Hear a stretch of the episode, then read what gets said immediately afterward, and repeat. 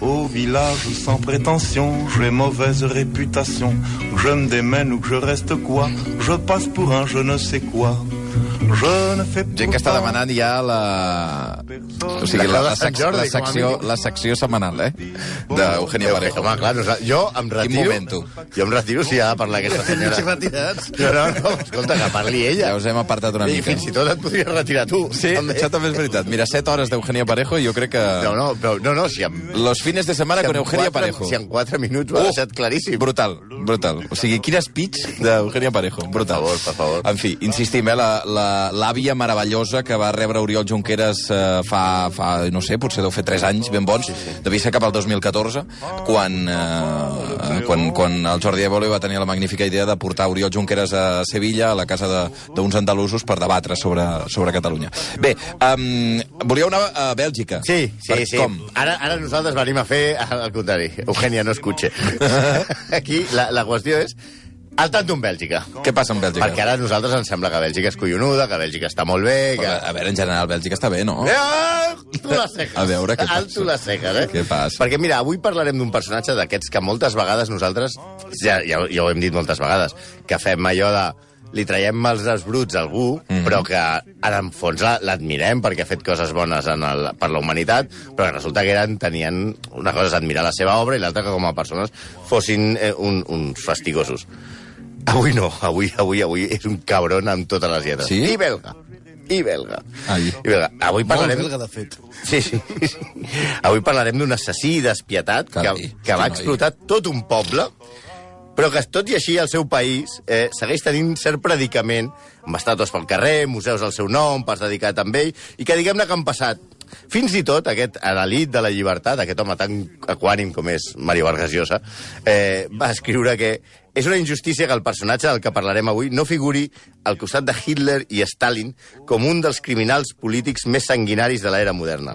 Parlarem d'un tipus codiciós, cruel, psicòpata, sàdic, mal pare, mal marit, sexualment pervers, agressiu, sense cap empatia o rastre d'humanitat. Una mala bèstia, en definitiva. Responsable directe d'un genocidi que va liquidar, i aquí anem a segons les fonts, uns, els que tiren per, ba- per baix, eh? entre 5 i 8 milions de persones va matar. I algunes altres parlen de 12 milions de persones, la meitat de la població del Congo. Hosti. Apartin les criatures... Doncs Llavors no té res, no té res de bo, no? No, aquest D'acord. Mm. realment és el més miserable que hem fet.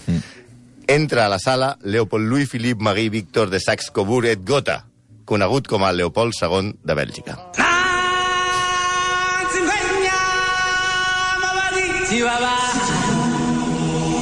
I això?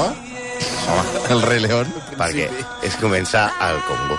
Anem a Àfrica. Ah, Ens d'acord. anem a Àfrica. D'acord. Però comencem perquè Leopold era un tio acom- acomplexat. I ja sabeu que això dels complexes és molt comú en els execrables. Tot i ser rei, que no està gens malament, No, no està creia, mal. creia que ser rei dels belgues era com ser un rei de segona divisió, que potser això sí, en això sí tenia En això raó. sí que tenia raó. I, I era el principal crític Si tu ets rei, dius, hòstia, soc rei de puta mare. Soc rei dels belgues. Bueno, hòstia però puta. està bé. Els, el, Bel- de Oh. debò. Primer ser rei ja és xungo. I si ets rei, hòstia, com a mínim si ets rei d'Anglaterra. Sí, sí, però rei de Bèlgica. Rei de bueno. Bèlgica, tio. Però s'ha de dir que ell era el principal... Rei del pollo frito, el rei del rock. rei del rock mola, això. rei del rock mola. Mola, Rei mola, del mola. porno. No. Rei del porno també m'agrada. També m'agrada. Va. Bueno, tornem-hi. Ell- Rei de Bèlgica, tio.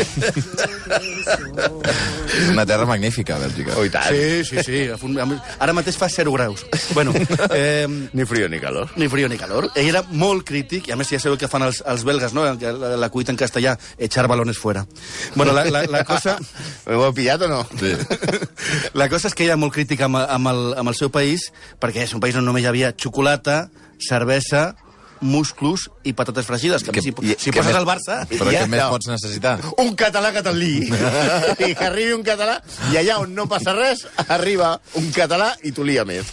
El, el, mateix, el mateix Leopold, quan es referia al seu país, el definia com un petit país, petit Jean, que, que, i no, no feia com el Lluís Jack o el Xavi Bundó Eh. quan, quan es pren el seu xupito de mimosín. No. Eh, Mare que això de meva, que ser un teniu. petit, pa- un petit país aportés cap avantatge central. Ell ho deia pensant més aviat que Bèlgica té la mida de Múrcia, i no mola. No, Ah, imagina't. d'acord. Soc el rei de Múrcia. Imagineu-vos-ho. Però no passa res. No, vale, va, molt bé. Múrcia, que hermosa era. També és veritat que Bèlgica, que encara no era la, par- la prestigiosa, a l'època que estem parlant, prestigiosa pàtria de Tintín i dels petufos. Com diu el Gem Els petufos. Els petufos. eh, fija, el que ell volia, de veritat, era ser immensament milionari. Home, però això... Ell, no el seu país. Ah, d'acord. Sí, el que volia era que ell ser ric, no? I ell veia que sent rei dels belgues pues, tampoc eh, ho, tenia, ho tenia molt bé, no? Ell mirava al seu voltant i veia com la resta de cases reials, amb les quals, com, com és normal, estan tots emparentats. Eh, ja sabeu que aquests, bàsicament, es dediquen a, a, a, a- a intercanviar fluids entre, entre la família. Vinga. I no és que es passin la sopa. Vull dir, aleshores, ells... Eh, eh, Bravo, per eh? exemple, era... Hosti, era jo no sé per què he estava- sorrat. Estava, Sí. emparentat amb els Borbons, els, sí, els Borbons d'aquí, i a més a més la seva cosina era la reina Victòria d'Anglaterra. Mm. Tots ells, així com dèiem, tenien colònies a ultramar i els reportaven grans beneficis. I ell només tenia Bèlgica barra Múrcia. Per tant, volia tenir una colònia. I no la de Bustamante que venen al, a- al costum. de Antonio Banderas. No, així que es dedicava a tancar-se a la biblioteca del seu palau, que suposo que era molt gran, mirant llibres de geograf- de geografia i viatjant a l'arxiu d'Índies a Sevilla, mirant on podia establir la seva colònia. Va mirar a comprar la província argentina d'Entre Ríos, Carai. però va veure que no era prou per ell. També ho va intentar amb les illes Fiji i a la illa de Formosa. Jo hagués comprat les Fiji, realment. Doncs també, eh? No, collons, eh, tots amb pilotes allà. Vinga. Però com, com passa tantes vegades, els execrables eh, es toquen i apareix a la seva vida... Es toquen? Henry... Sí, Sí, sí vale. los extremeños se tocan... Ja, los- ja, ja. Sí, sí. Eh, bueno, es toquen bastant, eh? Va. Sí. Bueno, eh, La barraca. Fins i tot ells mateixos. Ai, I desagradable. apareix a la seva, a la seva vida Henry Morton Stanley, el farsant cruel, vestit de car- coronel tapioca, que es feia passar per explorador d'Àfrica, el qual ja vam deixar amb el cul en l'aire la temporada Sí. passada. A veure, Leopold es fa fan de les expedicions de Stanley, que tornava cada 3 o 4 anys d'Àfrica, explicant eh, les grans meravelles que hi havia. I ell explicava el Stanley, feia conferències quan tornava a Europa, que al voltant d'un gran riu anomenat Congo hi havia un terreny immens, fèrtil, poblat per tribus desarmades, no sé si us sona això, i que ningú reclamava per ell. A Leopold se li van posar els ulls com a taronges. Li estaven parlant d'un territori otoe gran. Ara, ara. Per fer-vos una idea, el Congo tenia un tamany equivalent a Anglaterra, França, Alemanya, Espanya i Itàlia juntes. Jódete, Murcia. Sí, 60, Ai. sí, 66 cops el tamany de Múrcia. Per tant, el tio... Vull dir, de Bèlgica. Vull dir, I és que ja no sé... En... No sabeu on aneu. Ja no sabem si estem a Múrcia o estem a Cartagena o, o a, a Brujas. Va, que era molt més gran que el seu territori. I el tio diu, això on vaig a quedar. Esto pa mi. Sí, esto pa mi. Esto para mi. El primer que va fer Leopold va ser contractar Stanley, a qui pagava onerosament, pels de l'ESO, el que cobra Messi, per tal de fer dues coses. Una, fer conferències per tot el món dient que els pobres habitants d'aquella zona de l'Àfrica pateixen la xacra del comerç d'esclaus per part dels àrabs. Oh, I que això, és era intolerable. intolerable. No, Ah. pobres negrets, Pobres pobres que els àrabs s'estan els esclavitzen. esclavitzant. Espera tu que faré jo. És a dir, Tintín en el condo. I segona, Vinga. marxar en expedicions al Congo per cartografia al terreny per tal d'instal·lar un ferrocarril i començar a fer pactes amb els cap de les tribus locals. Leopold va utilitzar Stanley com fan els candidats de president amb les estrelles. Va ser Albertino Osborne de Rajoy. Stanley, aleshores, va arribar a Àfrica per, per encàrrec de Leopold i va anar a veure cada una de les pobres tribus que hi havia allà al, al, al, a, la, a la ribera del, del, Sí, sí, eh? a la riba del diu- riu Congo. I aleshores els hi va fer signar uns documents en els quals li cedien tot. Tot a Leopold, no a Bèlgica. Això és molt important. Tot a Leopold. I tot, quan diem tot, tot és tot. El marfil dels elefants, els arbres de cautxú. I sí, senyors, també la vida dels homes, dones i nens que passarien a treballar de per vida per Leopold, no per Bèlgica. Evidentment, aquesta gent no tenia ni idea del que afirmaven. Era una gent pacífica que vivia de la, de la recol·lecció, de l'agricultura i de la caça.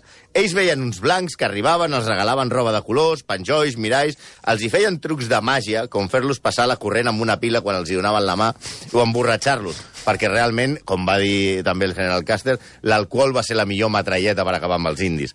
També ells tenien armes de foc, el, el, els, els, els belgues que arribaven, i disparaven a animals per, i els mataven. I de moment de moment disparaven als animals, després ja van disparar a les persones. I aleshores els hi donaven la pistola i els hi deien ara dispara'm a mi, veuràs que sóc immortal. Clar, quan disparaven a, a, a la cabra, li disparaven amb bala. Quan es feien que els disparessin amb ells, era sense bala. Oi, oi, I els van fer creure que eren immortals.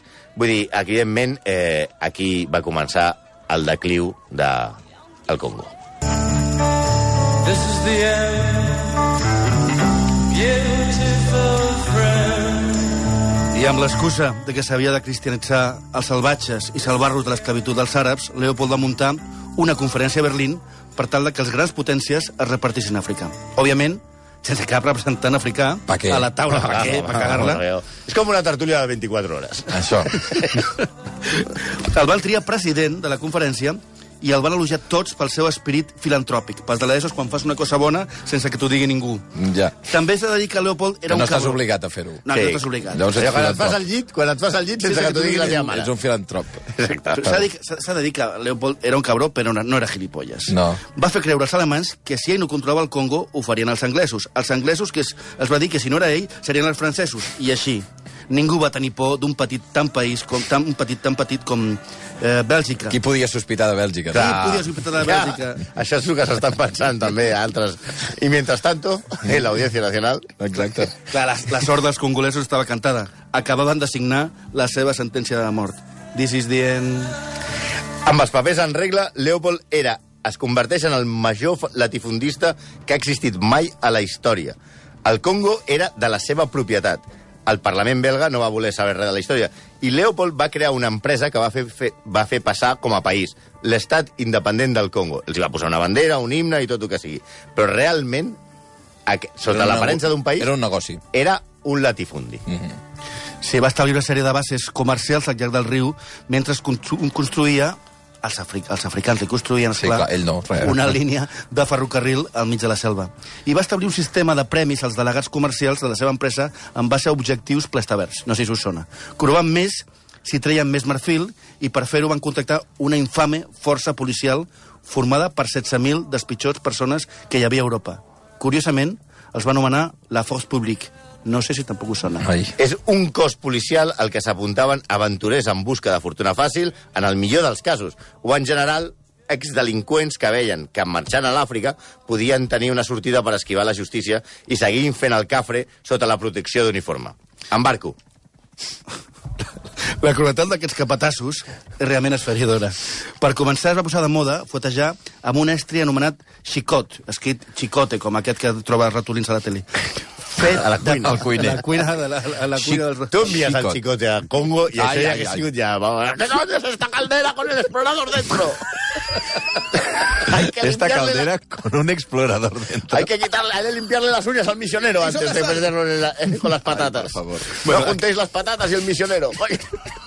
Vaja, que era una mena de fuet. Era, era una mena que, que, que estava fet de pell seca d'hipopòtam, Ui. en forma de llevataps i molt afilada. Ui, en forma de llevataps. no, no, era, era una, una putada. I, I amb això li li curraven els, els, els, els treballadors a la, durant tota la jornada No, laboral. abans de començar. Ah, per, per motivar-los. Sí, allò de, vamos aquí, vamos a fichar. Nyaca, pum, 25 fuetades. Hòstia, pues si aquesta era la benvinguda, com seria la resta del dia, no? Ah, I no, és- no només això, qualsevol sen- signe d'indisciplina dels treballadors es solventava d'una manera molt, molt, molt, molt senzilla. Li tallaven la mà al treballador. Hosti, no fotis, tu. Sí, de fet, clar, ja hem dit, no eren treballadors, eren esclaus. Sí, clar. Les mans es fumaven, però com els peixos, no com els puros, o sigui, les, les passaven, i s'amuntegaven a l'entrada del poble o al costat de la factoria com a trofeu i signe d'aquest de que la feina ben feta no té fronteres.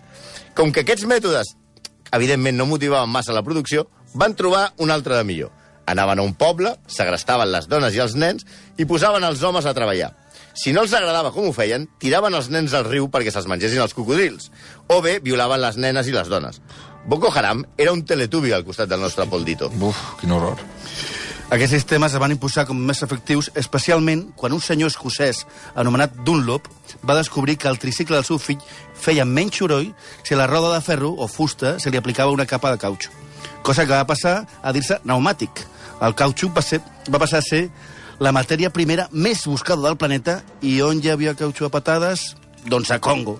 Però era difícil que els esclaus poguessin pugessin als arbres encadenats.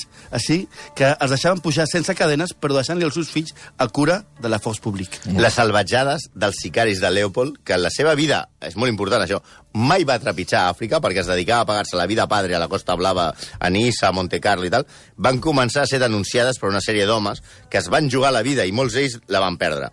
Primer van ser uns missioners suecs, després uns anglesos i finalment alguns periodistes. Cal destacar un funcionari del port de Liverpool el que li va estranyar que tots els barcos que arribaven d'Àfrica arribessin carregats de riqueses, mentre que els que partien només portaven armes.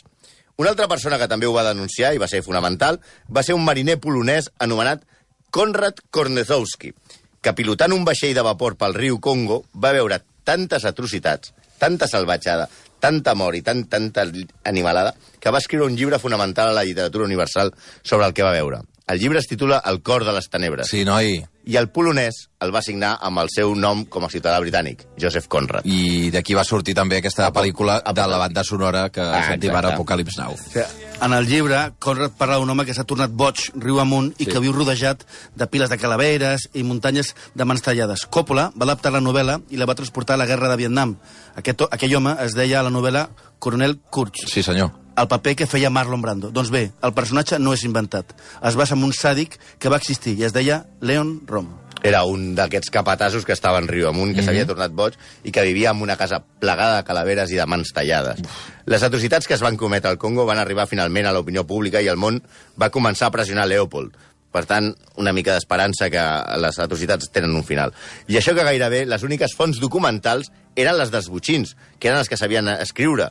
O sigui, no, hi ha, no, no existeix un, un, un relat per Africà. part- africà. O sigui, perquè era, Ostres. era, era, era totalment oral. Molt ben És vist, co- és, clar, co- això. és com si només expliquessin les atrocitats dels nazis Els propis nazis. Els propis nazis. Però els jueus sí que van, o, o, la- o la gent que va estar eh, sotmesa per l'Holocaust sí que va poder explicar-ho. Clar, va poder deixar-ho escrit. Els en algun africans no van poder escriure ni deixar res, no? Quin drama, tu. De fet, gens o me, gent de més o menys bona voluntat que passava per Àfrica aquell temps va arribar a escriure que després d'un mes al Congo podies caminar per l'infern per l'infern sense cremar-te del que havies arribat a veure. Sí, o aquest testimoni d'un soldat que explica l'extermini d'un poblat al seu diari com si parlés d'un dia, d'un dia de tir al blanc.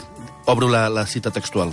Va ser molt interessant amagar-se i veure com els nadius feien les seves feies quotidianes, les, doies feien, les dones feien farina, els nens cantaven i jugaven, els homes feien cabanes. Vaig obrir foc travessant el pit d'un home d'un tret. Va caure com una pedra. Una pluja de bales va caure immediatament sobre el poblat. O sigui, els mataven per matar-los. Sí, sí, Era, era per diversió. realment la, la qüestió més atroç que ha viscut el, el, la humanitat. Davant d'això, Leopold es va veure obligat a cedir la seva finca al Parlament belga. Però, ojo, que no ho va fer volent, eh? Una dura negociació del rei amb el seu Parlament que va anar del 1906 al 1908, quan l'estat belga, poca broma, va arribar per recuperar el Congo pagar-li 50 milions de francs belgues a Leopold per la seva finca a l'Àfrica. Leopold es va passar els últims mesos de la negociació cremant tots els papers que l'incriminaven com un dels pitjors criminals de guerra de la història. Els donaré al meu Congo, però no tenen dret a saber què hi vaig fer allà, va dir l'escarós. Pol Pot, Duvalier, Sauron i el rei de la nit són Pedro, Clarita, Heidi i Alavi comparats amb Leopold.